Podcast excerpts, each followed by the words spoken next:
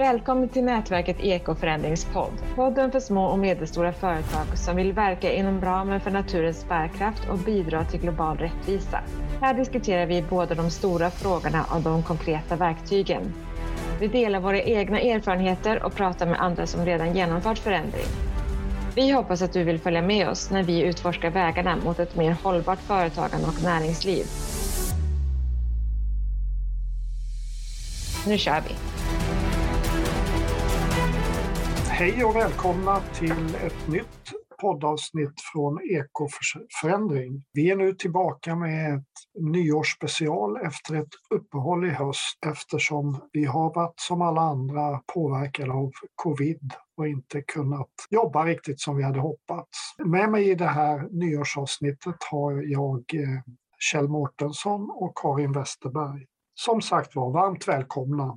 Vi tänkte eh, i den här nyårsspecial sammanfatta året som har varit och eh, blicka framåt, både i det stora och i det lilla. Hur tycker du 2021 har varit, Kjell? Det här året har varit för mig ett otroligt spännande. Jag, jag tycker jag känner att jag har gett mig ut i ett riktigt eh, äventyr när jag tog mig an boken Steady State Economics av Herman E. Daly. Det var länge sedan jag fördjupade mig så i litteratur. Även om jag har undervisat på universitet så många år så får man nästan inte tillfälle att så gå ner på djupet och riktigt arbeta. Och det har varit ett otroligt spännande som började med att jag hade skrivit massor med text som jag inte fick någon ordning på och började läsa den här boken och såg då att här fanns det en enorm potential att skapa begreppsutveckling. Men, men det som är intressant när man ger sig ut på sånt här projekt också, det är man, man tänker ja nu är jag i mål, har jag öppnat en dörr, då ser man helt plötsligt ytterligare dörrar och så ytterligare. Eh, och någonstans måste man ju stanna. Och dessutom får man ju då gå tillbaks till boken och sen hoppa ifrån boken och skapa någonting eget utav det. Alltså det, det tycker jag är, är, den delen som har tagit upp mitt eh, stora intresse under det här året. Det är ju kul. Jag tycker också att det vad ska vi säga, perspektivet som, som eh, tas upp i boken kommer ju allt mer tillbaks. Det här med att ekonomin måste inordna sig under planetary boundaries eller vad vi kallar det. Det var ju en lång period när miljöekonomin så att säga på något vis var frikopplat från det ganska mycket. Det känns, det känns ju högaktuellt också. Vad säger du Karin? Hur har 2021 varit?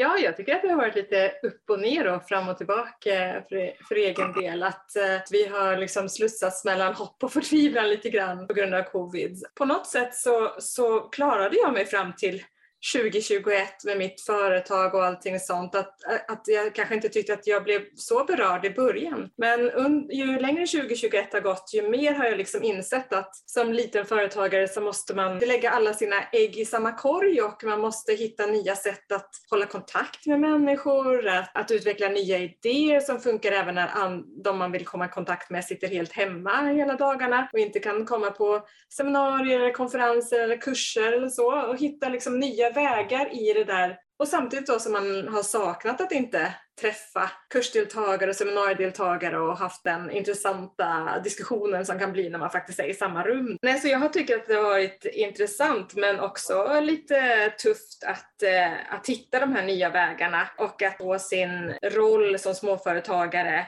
i den här nya verkligheten som covid har väckt. Mm. Hur tycker du att eh, 2021 har varit, Erik? Jag är väl inne lite på eh, det du pratar om Karin. Jag tycker det är väldigt färgad av covid och att 2020 tyckte jag man överlevde på något sätt. Men nu är jag less verkligen och i många perspektiv. Jag är inte drabbad på dig, som dig som egen företagare men jag tycker man tappar energi och kreativitet, eh, tyvärr. Så jag ser fram emot att vi vi ska slippa dessa restriktioner och kunna ta med oss naturligtvis de bra sakerna men, men återgå till någon slags normalitet. Jag tänkte i, den här, i det här året med allt vad det har inneburit, hur, hur, hur, tycker du att poddandet har passat in där Karin? Har det haft något terapeutiskt inslag eller kreativt eller, eller kanske, ja, kanske mer stressande? Nej, jag tycker podden har varit fantastiskt roligt att göra. Nervöst och eh, man känner sig fortfarande som en nybörjare på alla led i poddandet. Men en fantastisk arena eller liksom öppning i vardagen där vi har kunnat träffats och pratat om eh, teman och, och böcker och frågeställningar som, som man går och funderar på och som man kanske inte riktigt har haft eh, möjlighet att diskutera med andra, kanske särskilt under det här året. Och då har det varit fantastiskt att vi har träffats med jämna mellanrum och, och pratat igenom de här sakerna på jag har gett det utrymme och låtit det ta tid, den diskussionen som vi har haft. Och sen har det varit väldigt, väldigt spännande tycker jag också, den, det som sker efter att vi har pratat om man ska klippa ihop och man ska liksom skapa en jingel och man ska lägga ut det här på nätet. Och alltså, det är en väldigt spännande process att ta någonting från ett samtal som försiggår mellan oss tre till, någon, till ett samtal som kan höras av potentiellt sett hur många som helst där ute. Mm. Jag, jag, tänker på det, så här sidoeffekter är ju att numera går man och hör så här, ah, det där är en sån där gratis jingel.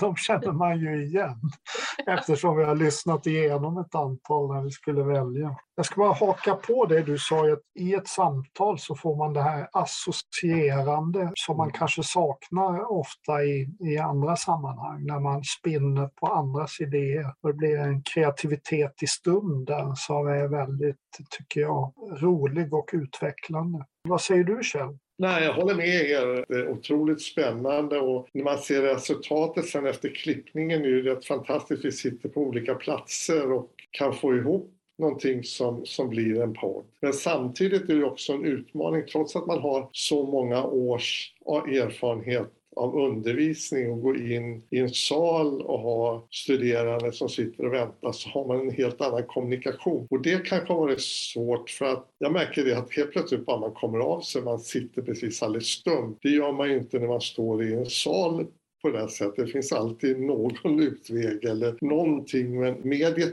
låser ju också samtidigt som det öppnar upp för världens möjligheter.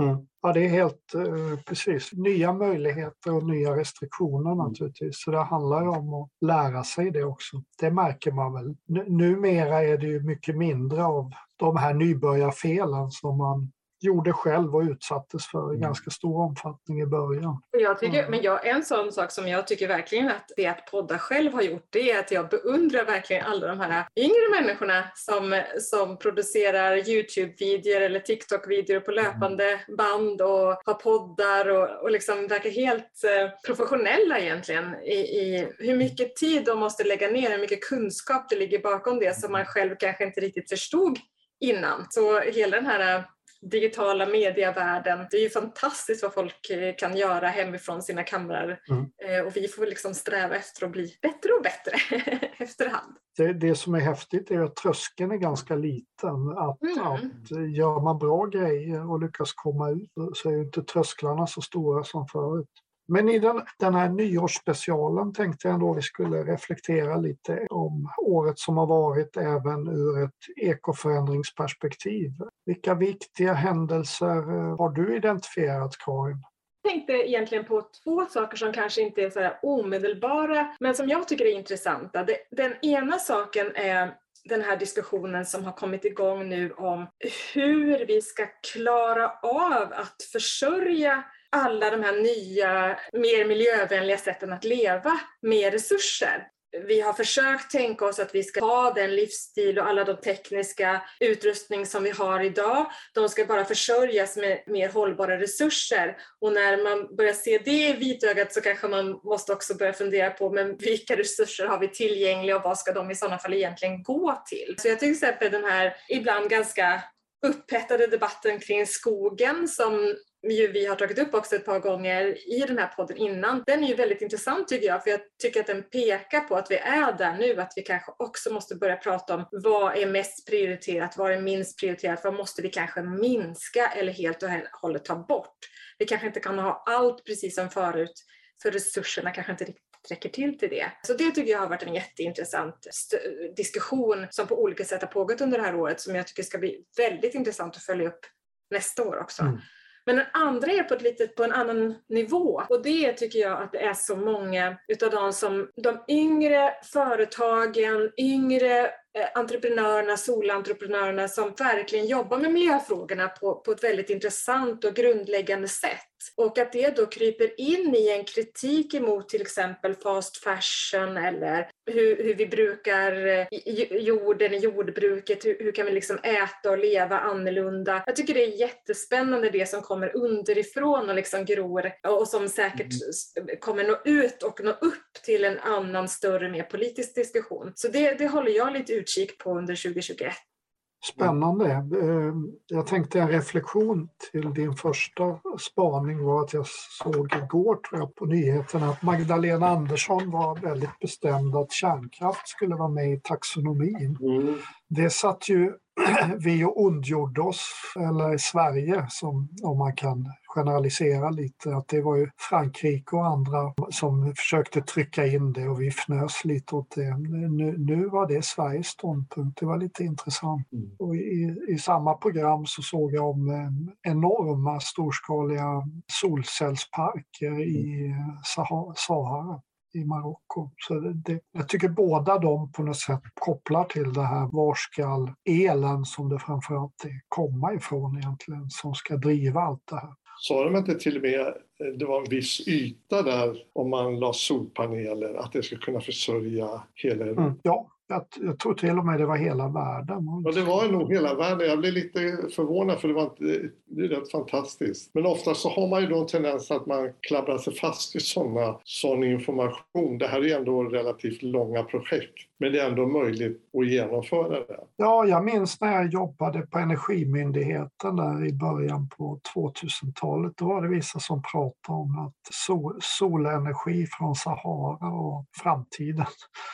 Mm. Och det, det låg man väl lite åt då. Jaha, eh, Kjell, vad vill du lyfta fram från 2021? Ja, alltså jag, jag var inne på det här mötet i Glasgow. Då. Det var någonting som jag skrev ner. Annars så håller jag med det här positiva, det här med att man börjar att se tydligt nu brytningspunkterna. Jag tänkte också på det här massor med människor på flykt. Eh, det här med ändå att det är så pass många människor som även lever så fruktansvärt dåligt på jorden. Och det tycker inte jag heller man tar in i de här diskussionerna. För att om man ser det här mötet i Glasgow då, om man nu ska säga någonting positivt som inte har inträffat tidigare, det är att så många länder kommer samman och kan sitta ner och prata och vara engagerade de som är, är där. Synd att inte det inträffade för 20 år sedan. Det, det, det, tycker jag har upplevts som något väldigt positivt. Men annars det som är negativt det är det att man ändå inte kommer loss. Och sen så tycker jag hela tiden att jag funderar över det här med att man är så totalt fast i det här ensidiga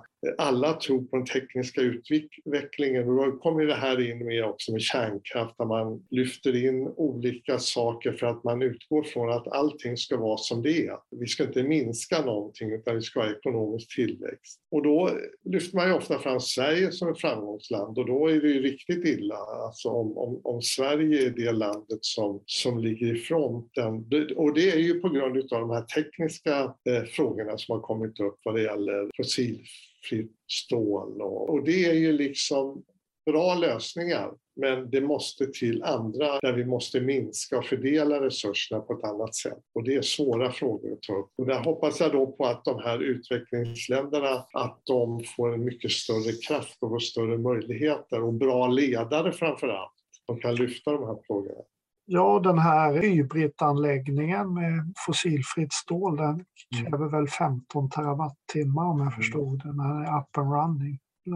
Det är ju enorma mängder el och det är klart att hur pass bra det där blir, det är ju helt avhängigt var, var den elen kommer ifrån. Mm. Jag tänkte lyfta fram en sak, en, kanske en liten teknisk detalj men den eh, kopplar lite grann till det du pratade om eh, Kjell och det är det som på EU-språk kallas Carbon Border Adjustment Mechanism. Det här att eh, när man importerar varor in i EU som är, vad ska jag säga, har stora koldioxidfotsteg så kommer man att betala typ en mellanskillnaden där det tycker jag är ett första steg mot något som jag tror är otroligt viktigt. Sverige isolerat och eh, med våra gränser kan ju då uppfattas som väldigt bra. Men, men vi importerar ju enorma mm. koldioxidskulder och kan man så att säga sätta sådana här mekanismer som gör att det inte lönar sig att lägga produktionen i länder eller områden där man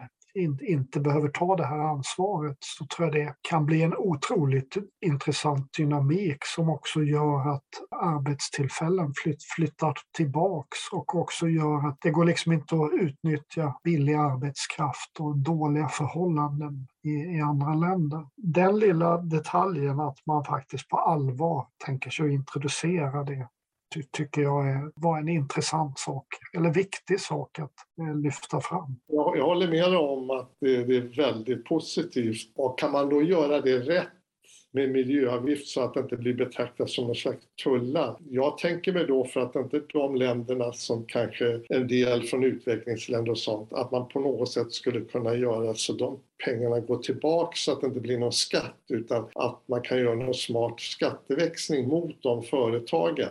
För det skulle ju verkligen få en effekt att man fick in det här med miljöfrågorna internationellt.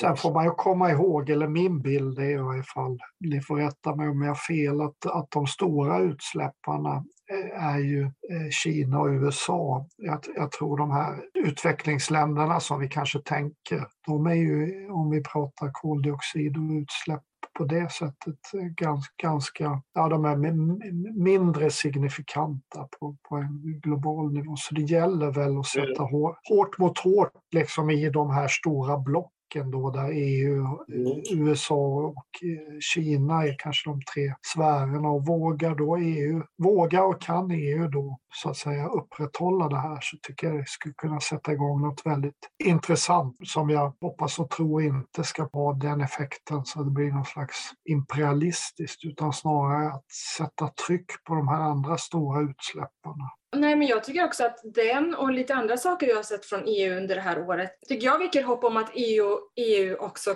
kan bli den påverkare liksom som man kanske hoppats länge att EU ska bli. Jag tycker att det har hänt en del saker i EU under det här året som visar på att man höjer pressen, man skärper kraven både internt och externt på ett sätt som, som är intressant och som jag tycker gör EU till en intressant part i det här arbetet på ett sätt som jag kanske inte riktigt alltid har tyckt annars. Mm. Det andra som jag ändå tänkte på som jag ville ta upp också det är ju det här vi håller på med nu, de digitala mötena och hur vana vi har varit i det. Och jag, jag tror inte folk kommer att stå ut med att hålla på och resa till en massa meningslösa möten. Vi kommer inte att ställa upp på det längre. Det ska bli väldigt intressant att se hur möteskulturen utvecklas. Jag tycker jag börjar märka redan nu att det, även om nu har man ju fått åka på möten, men nu är det ju hybridmöten och väldigt många, ja man värderar möten om man verkligen ska åka dit. Och det tycker jag är intressant